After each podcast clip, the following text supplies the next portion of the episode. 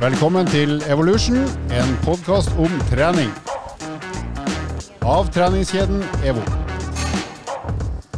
Ja ja, folkens. Som jeg akkurat sa, velkommen til podkasten Evolution. Og velkommen også til Andreas Skjetne fra Skjetnemarka rett utenfor Trondheim, eller Hur?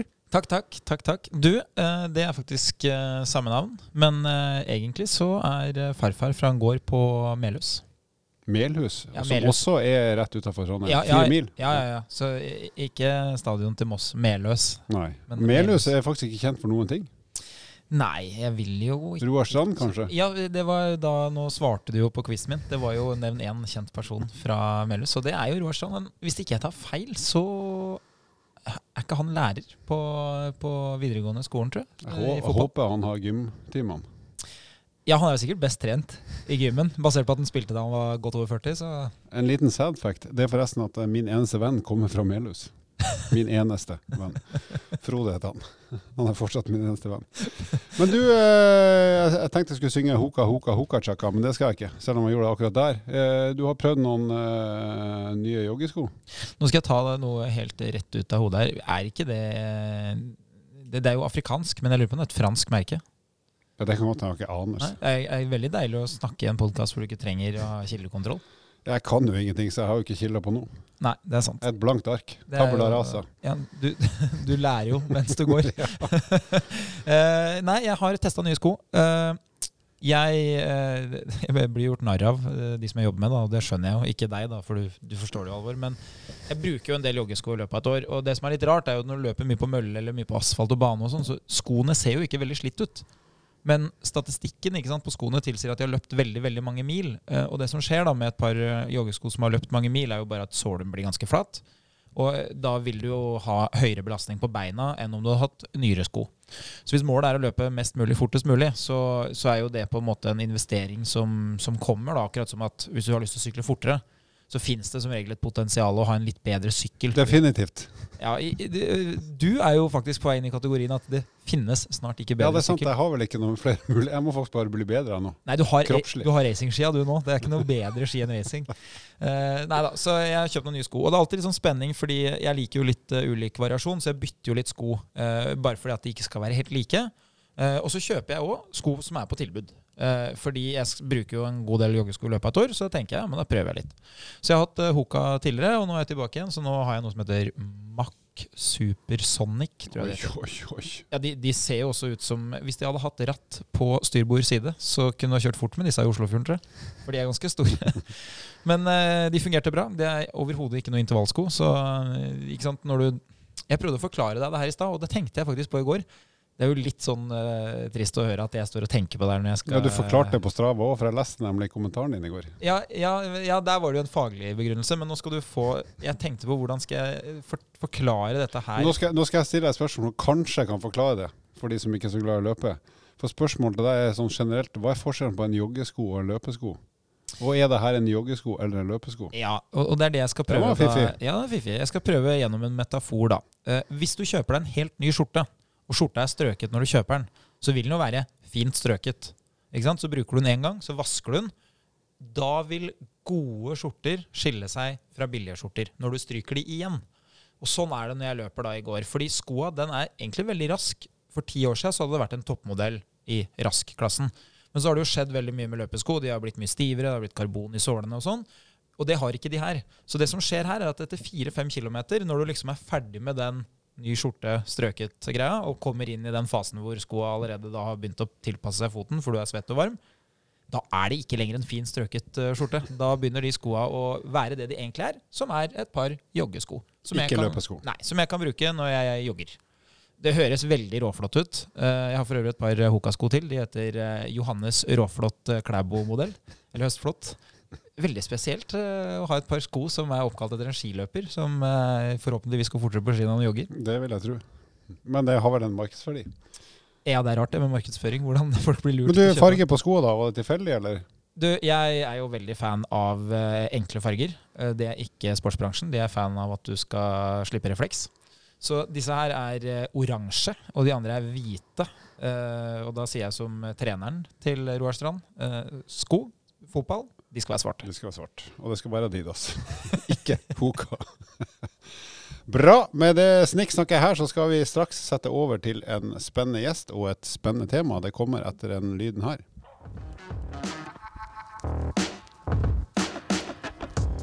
Eh, Med oss i dag så har vi et menneske som ikke bare er menneske, han er også eventyrer. Han er fallskjermjeger og han er personlig trener. Og han er, ikke nok med det, svensk.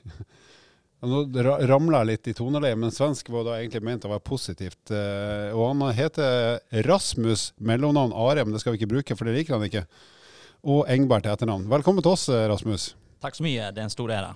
Det får vi nå se på. Men eh, du skal være med oss og snakke om noe du driver med både sjøl og med kundene dine, nemlig å kombinere styrke- og kondisjonstrening.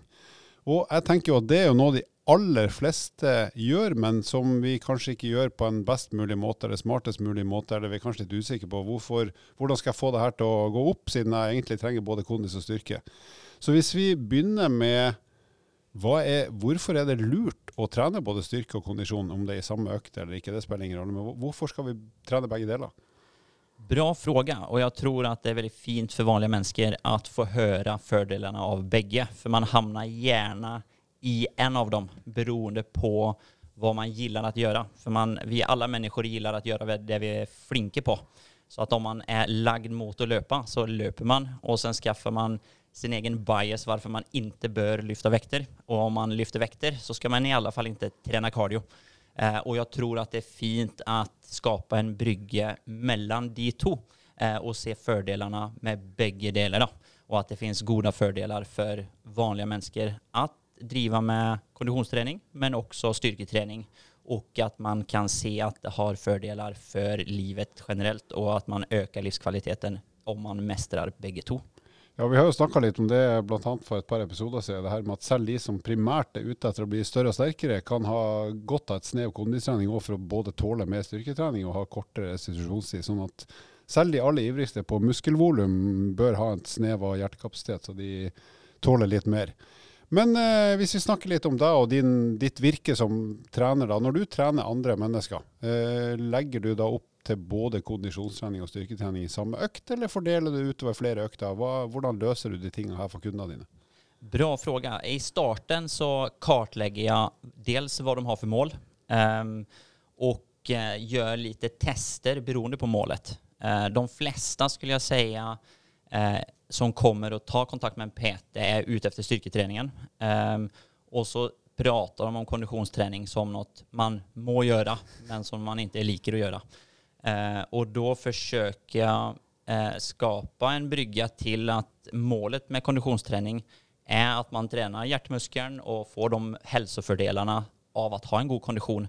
Men att man då kan lägga upp en plan för styrketräningen men att man på ett sätt testar hjärta egentligen i starten med eh, parametrar som eh, vilopuls, man kan testa blodtrycket, man kan testa oxygenupptaket eh, och man kan testa eh, HRV, vilket är alltså hjärtvariabilitet, frekvens, eh, för att se om alltså hälsan egentligen då och de konditionsparametrarna som blir förbättrade av konditionsträning, hvor de är någon plats.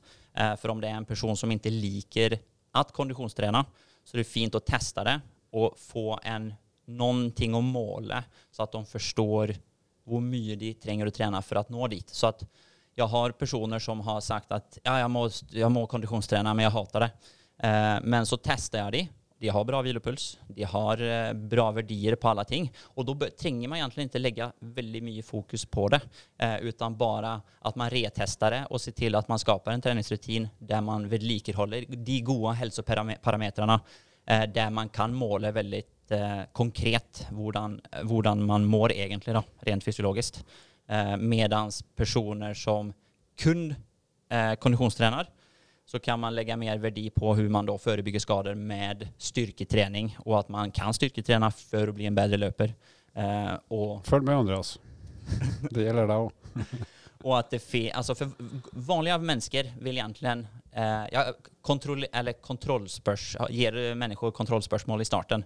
Eh, och det är liksom vad vill du här nå kortsiktigt men också långsiktigt. Och de flesta vill ju bruka på en måte träningen dels för att Alltså allt med vekt och allt det där, men i slutändan så handlar det om att ha ett gott liv. Det handlar om att ha en høy livskvalitet och bruka träningen som ett gott verktyg för att må bra. Eh, och där är en väldigt fin input för att förklara vad som är fördelarna med styrketräning som har med att du, när du blir stark så blir livet lättare på en måte. För att när du klarar av att ta 50 kilo knäböj jämfört med inga kilo knebøy, så blir trappen opp til leiligheten lettere. Eller eh, det blir lettere å bære matkassen. Det blir lettere å flytta leiligheten når du skal flytta lägenheten. Eh, så at med god styrketrening, dels så forebygger du skader, men du eh, allting blir litt lettere. Då.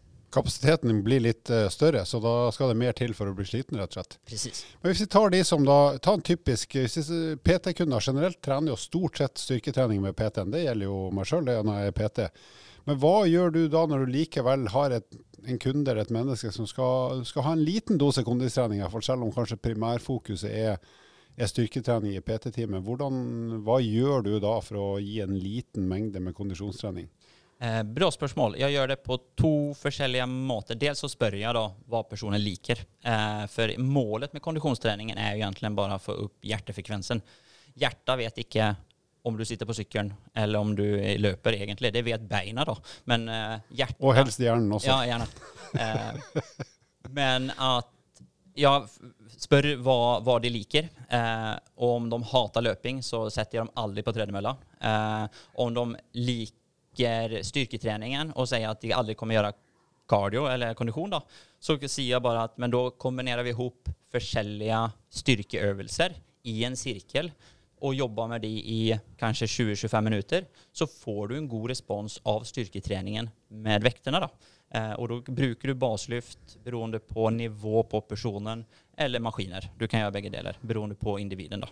Ja, så Da kan du egentlig lage litt intensiv styrketrening da, med litt høyere volum, korte pauser for å få opp pulsen og derigjennom styrke hjertet litt. Eller eh, som du også sier, da, hvis du skal gjøre en eh, kondisjonsaktivitet, så velg noe som kunden eller mennesket Om de ikke liker det, så har har erfaring med sånn at man får det til. Og som du sier, hater du tredemølla, så bruk noe annet. Ro eller eh, stakemaskin eller ellipse eller gå motbakke for den saks skyld, da, utenom tredemølla. Andreas, du har jo også en del kunder som ja, det er Noen av de trener vel primært kondisjon, men du har vel også som de fleste andre kombinasjonskunder som skal ha litt av hvert. Hva, hvordan løser du det her? Ja, jeg, eh, I dag sitter jeg jo igjen med en god del som liker å, å, løpe. Det skyldes jo at jeg har ganske mange andre oppgaver i løpet av en uke. Så jeg har ikke sånn voldsomt mange kunder igjen, selv om noen av kundene har da vært med i over ti år. Men eh, tidligere, når jeg jobba fulltid som personlig trener, så hadde jeg jo veldig mange som likte styrke. Og det er jo en sånn kjensgjerning at eh, personlige trenere de liker styrke. Det, treningssenteret er jo veldig ofte styrkerelatert, selv om det er like mye kondisjonsutstyr der. Uh, og det som uh, jeg biter meg merke i her, da, er jo en veldig smart ting. Og det er jo at uh, kondisjon trenger jo ikke å være kondisjonsøvelser. Altså Hvis du skal forbedre kondisjonen, så handler det om hvor du er, og hva du gjør. Og en mulighet til å bli bedre er jo rett og slett å gjøre et stykke arbeid som er tøffere enn det du har gjort før. Og hvis du ikke har trent veldig mye kondisjon, så trenger du ikke å gjøre veldig mye for å bli bedre. Og da kan du gjerne bruke eh, styrke da, som en, en, metode, og da må du jo ned i belastning. Altså du må ha mindre vekt, da, eller du må ha lettere vekter gjerne, sånn at du klarer å ta repetisjonene med ganske korte pauser. Så man kunne nesten ha kjørt sånn eh, langkjøring i benkpress. Selv om jeg ikke vil anbefale det til noen og har gjort det veldig lite selv, så ville det vært en mulighet. Uh, og det man ofte gjør, er jo at man velger øvelser som er veldig sånn enkle tekniske, sånn at ikke man trenger å passe så veldig på teknikken når man blir sliten. For det er den store utfordringen. Så det jeg har gjort da, med veldig mange kunder, det er jo at jeg har hatt et mål om å opprettholde en viss intensitet, men jeg vil bevare også et annet aspekt, og det er at øvelsene vi har valgt, skal gjøre de sterkere. Så da må jeg jo vite to ting. Jeg må jo vite hvor eh, høy intensitet må de ha for at de skal bli bedre kondisjonstrent. Og hvor tunge vekter, eller hvor stor må totalbelastninga være i styrkeaspektet for at de skal bli bedre. Og det fungerer veldig bra. altså Overraskende bra for de aller aller fleste som har trent lite, å kombinere styrke og kondisjon. Utfordringa er jo motsatt vei. Hvis du har noen som eh, kommer inn og som sier du jeg løper fire dager i uka og jeg har lyst til å bli sterkere, men jeg har ikke lyst til å bli dårligere til å løpe, ja, da må man jo se på at man opprettholder løping. Man må jo da legge til styrke uten at det tar knekken på løping. Og akkurat det samme motsatt vei. Jeg trener styrke seks dager i uka. Jeg vil ha bedre kondisjon. Eh, men jeg har ikke lyst til å slite meg ut sånn at jeg løfter mindre i morgen. Så det er jo de casene som er vanskeligst. Det er jo egentlig ikke å få de som er eh, helt utrente, til å bli bedre trent, for de kan nesten gjøre hva som helst. Men uh, selv om vi sier at du nesten kan gjøre hva som helst, hva slags type øvelser er det som typisk fungerer godt da, der du egentlig både får trent styrke og kondisjon? Noen tips der, sånn praktiske? Ja, uh, Det man sier da når man skal trene styrke, er at det er fint å trene hele kroppen. Altså Det å trene flerleddsøvelser, det betyr jo Hvis du gjør knebøy, så, så har du jo litt bevegelse i ankeleddet, du har kneleddet, hofteleddet, du må bruke ryggen.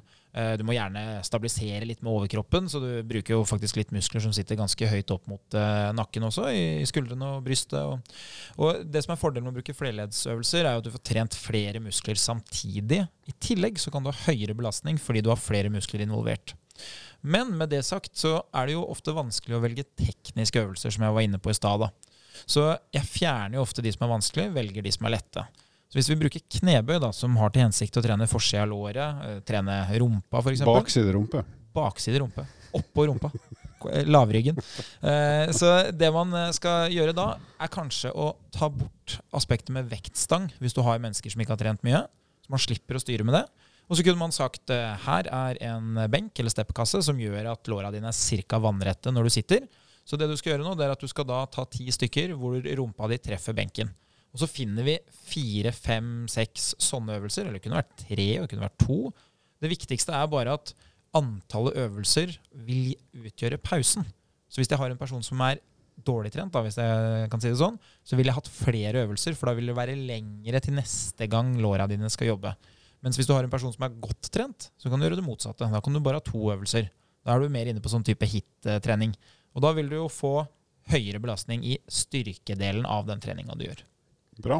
Og Hvis vi nå tar utgangspunkt i eh, personer som trener to ganger i uka, som veldig mange gjør. Eh, av og til blir det én, av og til blir det tre, men sånn i snitt to ganger i uka. Hva vil dere eh, anbefale hvis du har et normalt menneske som vil fungere godt og kunne være i stand til å gjøre, i hvert fall ikke bli begrensa av sin egen form, som da skjønner at ok, kondistrening trenger jeg, jeg trenger også styrketrening. Vil dere da anbefalt én ren styrkedag og én ren kondisjonsdag, eller ville man hatt litt av hvert på begge de to treningsdagene. Hva tenker du om det, Rasmus? Jeg tenker at man skal splitte over begge, da, så at man ikke deler opp en styrke, en kondisjon, utan at man trener alle energisystem da, egentlig, eh, på hver økt. For at når du har bare to økter i uken, så har du 72 timer mellom Lang hvile. Ja, lang hvile, ja. Eh, og da er det fint å få stressa kroppen på alle måter hver gang, da. Um, og da er det lurt å altså, Si at man har 45 minutter. så kan man starte med styrketreningen. Gjerne da for å få opp pulsen på styrketreningen. para ihop to øvelser. Gjerne en øvelse för överkropp, med overkroppen med underkroppen. Uh, og sen gjøre to sånne supersett med kanskje 45 till uh, eh, 60 sekunder pause mellom hver. For da får hjertet jobba med att pumpa blod til armene, og sen pumpa blod til beina, og sen opp igjen. Eh, vilket gir en god respons med at hjertet får jobbe. Eh, og sen avsluta økten med kanskje litt mer kondisjonsbasert, altså at man velger noe man liker å gjøre. Så at om det er at man ikke liker tredemølla, så kanskje man går på den prowlern på turfen og dytter den her eh, ja, sleden. sleden ja. ja. Eh, eller så sätter man ihop eh, noen, så som Andreas snakka om, noen styrkeøvelser eh, som ikke er teknisk vanskelige for å få hjertet å gå, liksom. Eh, og avslutte med det på en eller annen måte. Og Hvis man gjør det, men uh, legger inn en, den lille dashen med kondisjonstrening, hvis den er helt spesifikk, altså ikke en styrkeutholdende øvelse, men en ren kondisøvelse, hvordan kunne avslutninga på sånn kombiøkt sett ut da? Hvis du sier at det siste kvarteret Andreas, det bruker du til reinspikka kondisjonstrening uh, med kunden din, hvordan kunne du gjort den? Nei, Det finnes jo to alternativ. da. Det går jo nesten an å stjele litt uh, styrketrening uh, selv om du skal ha kondisjonstrening. For veldig mange så vil jo stakemaskin egentlig være kondisjonsapparat. Men hvis du ikke har staka mye på ski, så er det jo vel så mye trening av overkroppen. Det er altså, masse nedtrekk. Ja, jeg kan si det sånn da, at hvis, 10 000 meter nedtrekk. Ja, hvis du tar noen uh, som ikke har staka, og ber de om å stake, så kommer de til å være støle i armene dagen etter, selv om det er en kondisjonsøvelse. Så da kan du bruke f.eks. stakemaskina eller romaskina som òg egentlig vil ha samme funksjon. Altså, roing er overraskende likt markløft. Hvis du hadde satt, eh, Det ville vært helt uh, sykt å gjøre, men hvis du hadde satt romaskina opp etter veggen, så hadde det jo egentlig nesten vært en type markløft med lette vekter. Det forklarer hvorfor vi alle ble norske mestere i roing. Jeg har altfor lav, altså, eller for kort arbeidsvei fra hofta. Eh, når jeg har sett på både deg og spesielt Henning, da, som eh, har vært eh, mye med i podkasten tidligere, den utvekslinga som skjer der, det gjør at jeg må ro to tak. Så roing har jeg skjønt at det kommer jeg aldri til å bli god i. Men da har du jo to fine øvelser som egentlig har til hensikt å trene hjertemuskelen og spesifikk bevegelse, men som òg egentlig vil gi litt sånn styrketrening. Fordi i starten altså, vil du jo bli bedre, som gjør at du kan enten ha flere repetisjoner på lik tid, som gir høyere hastighet, det er det som er poenget her. Eller så kan du ha eh, mer kraft i hvert tak. Altså du har samme fart, men mer kraft som òg vil gi høyere hastighet de to tingene vil jo utfordre styrkedelen i bevegelsen. Så for å skape uh, høyere fart, da, uh, gjennom enten uh, å klare å ta i mer eller høyere frekvens, så vil du bli sterkere. Ja, det, det, bare skyte inn det fine med de apparatene der, stakemaskinen og romaskinen, er at du kan også gire, altså stille giret tyngre, så at du faktisk får den styrkeimpulsen veldig lenge etter at du har blitt ganske god òg. Ja, og så er jo fordelen at det fins veldig liten begrensning når du blir bedre. Altså, Løping har jo også den hensikten at du kan alltid bare løpe fortere. Mens eh, i en del andre øvelser så vil du jo bli begrensa hvis du hadde brukt uh, gåing i motbakke ute. Så, så, vil du gå tom for motbakke på et eller annet tidspunkt, som vil gjøre det veldig vanskelig. Eller så må du ha lengre pauser. Mens mølle eller løping på flat mark ute vil på en måte aldri ha den begrensninga. Og det har jo de apparatene òg. Så det fins mange muligheter til å trene hjertet uten at du uh, verken trenger å gjøre det styrkemessig, eller at du trenger å løpe deg i hjel. Altså. Hvis du da kommer over til de som trener tre ganger i uka, Eh, og Det begynner å bli basically annenhver dag. Hva tenker dere er lurt der? Er det fortsatt at hver økt inneholder begge elementer, eller er det kanskje å vurdere å ha ei ren kondisøkt eller ren styrkeøkt? Hva, hva, hvordan kan man gjøre det, hvis man har tre økter per uke? Jeg tenker at det er litt en smaksak også. At om man, eh, for at Si at du trener mandag, onsdag, fredag. Du skal bryte ned kroppen skikkelig mye på mandag for å trenge den hvilen til fredag. Um, så at uh, for folk flest så kan du egentlig trene helkropp også fire ganger i uken. Og man trenger egentlig ikke splitte opp kroppen så mye. Uh, utan måten man kan bestemme det på, det er å se at man blir bedre. Uh, om man trener mandag jeg sier fem dager i uken, da, og du ikke blir sterkere, da trener du troligvis med for høy frekvens, med for mye. Men gjennom at da trener bare måndag, onsdag, fredag, samme styrke eh, og blir bedre. Da vet du at kroppen klarer av den stressen, og at du faktisk klarer av å restituere deg under den tiden. Eh, så jeg tenker at man kan litt sånn teste det ut. Eh, sen kan det være lettere mentalt kanskje at vite at ok, det her er en ren kondisjonsøkt. man går inn for det og føler at man får mer utbytte av det. Da gjør man det. om man føler at jeg gidder ikke gå til EVO før å løpe en time, Eh, da kan man ta det i slutten på alle tre øktene. Mm. Hva med deg, Andreas? Hva tenker du er muligheter å, å sette sammen tre, tre, økter med både kondis og styrke? Nei, jeg har jo blitt så, så kjip ikke sant, på, på, de tingene jeg gjør, at jeg gjør jo nesten ingenting uten at det er gjennomtenkt lenger. Så det som er avgjørende, ikke sant, er jo Du fikk barn, da? Ja, det, var, ja, det var vel ikke litt gjennomtenkt. gjennomtenkt. Sett i ettertid litt gjennomtenkt. Nei, altså, Jeg er helt enig med, med Rasmus. Det, alt handler jo om hva du ønsker å oppnå, eh, eller hva du liker å gjøre. ikke sant? Så hvis målet er gjennomføring, gjør det du liker. Mest mulig. Selv om det vil aldri ta deg helt i mål, så det må jo være en eller annen form for struktur her og gjennomføringsevne. Men hvis du skal trene si tre dager i uka, da, og du må velge litt her. ikke sant? Skal jeg trene kondisjon hver gang? Skal jeg trene styrke hver gang? Kanskje ikke så hensiktsmessig på sikt, fordi det vil bli så vanskelig å legge opp de øktene sånn at de hele tida blir tyngre. Kanskje det er lettere da å ha litt mer spesifikk kondisjonsdel, litt mer spesifikk styrkedel, fordi du faktisk blir sterkere og, og, du får bedre kondisjon. Og da ville jeg ha valgt det som jeg liker best, eller det som jeg Egentlig ville jeg kanskje valgt det jeg er dårligst til, for det er det jeg trenger mest.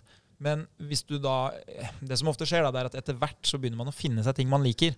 Begynner å bli morsomt å se at vektene eh, i beinpress blir høyere, eller begynner å bli gøy å se at farta på tredemølla er raskere. Da ville jeg gjort mer av det. Fordi det handler jo om å gjennomføre, og, og, gjennomføre over lang tid. Og ofte så er det lettere å jobbe med strømmen enn mot strømmen. Og litt som, som Rasmus var inne på i, i starten her òg, at uh, det er jo ikke alltid sånn at fordi om man tenker at kondisjonen er dårlig, så er den dårlig. Uh, det er jo mange som har bedre kondisjon enn det de tror, og strengt tatt så burde vel kanskje flere i befolkninga ha trent mer styrke enn det de gjør, fordi kondisjon er ofte noe man tenker man kan gjøre ute. Men styrketrening har man ikke satt i system. Så sånn sett så, så vil jeg ha sett litt på hvordan jeg presterer, og så valgt på bakgrunn av det. altså. Jeg vil si at uh, vi ligner jo litt på hverandre i forhold til hvordan vi trener, selv om jeg sykler og du løper, Andreas. Men jeg har, jeg har alltid en sånn Nå er mitt, min prioritet er jo sykling, men til de som trener én, to, tre eller to-tre ganger i uka, så ville jeg tenkt at uh, bruk mest tid på det du faktisk liker, for det kommer du til å gidde å gjøre over tid. Men jeg har laga meg, i hvert fall for meg sjøl, særlig når jeg er på ferie, så har jeg alltid en sånn timinutters mikroøkt. Så f.eks. hvis jeg har løpt en tre kvarter en eller annen sommerdag, eller sykla et par timer, så har jeg ti minutter med to eller tre overkroppsøvelser, så jeg får brukt den delen av kroppen jeg ikke har brukt i hovedaktiviteten min. Og Sånn går det også an å tenke på treningssenter. at Hvis du f.eks. av en eller annen grunn primært liker å løpe, så kanskje du har par, et par styrkeøkter som du bruker sju-åtte minutter på, så er det mer eller mindre komplett, komplett økt, for du har brukt beina i løpinga. Så får du litt eh, muskelstimuli også på overkroppen, og vice versa. Hvis du primært liker å trene styrke, så kanskje du skal bruke stakemaskin eller romaskin i en 6-7-8 minutter som avslutning på økta. Så får du en liten stimulans på styrketrening også. Da har du muligheten til å bygge de øktene som du vil, og prøve deg fram. Det er jo det, kanskje det beste tipset her. Se hva som fungerer best for deg. Og kanskje etter hvert så ender du opp med å ha både tre og fire og fem økter du kan sjonglere litt med i forhold til hva som er treningsinteressen din nå, og ikke minst hva passer tidsmessig og restitusjonsmessig hvis det begynner å bli såpass mye trening at du faktisk må ta hensyn til at du skal komme deg på hektene igjen før ny økt. Da eh, har vi fått veldig mange gode tips av fallskjermjegeren, eventyreren og den personlige treneren Rasmus Are, og gjentar Are Engberg, fra Sverige. Hvor i Sverige er du fra? Eh, jeg kommer egentlig Jeg flyttet fra eh, Alingsås, men det er utenfor Göteborg. Ja. Så jeg er i nærheten av Oslo, da. Ja, ikke sant? Ja. Det er et langt steinkast unna Oslo. Ja. Ca. 30 mil. Vi var jo innom, uh, innom, fotball her for ikke så veldig lenge siden. I forrige episode, faktisk. Uh, og da, der er det jo noe på gang i Gøteborg. Det er jo en, uh, en norsk frelser, Per Messias. Han har jo faktisk hekken, er hekken. Jo, hekken full. Så her kan det hende at det blir Han har for øvrig en stor hekk, selv om det er upolitisk korrekt å si. Så har han det. Han var jo kjent for å holde motstanderne unna med sitt endeparti, han og Gøran Sørloth. Han var jo møtende stillestående spiss på Tromsø i, på 80-tallet, for de som husker det. Det husker jeg for deg, for da var jeg faktisk voksen. da skal vi si som de sier i sentrum av Bonn, som en tidligere hovedstaden i Vest-Tyskland. Eh, der sa de alltid 'auf Wiedersehen'. Vil du vite mer om trening, abonner på podkasten og sjekk ut vårt treningsmagasin på evo.no.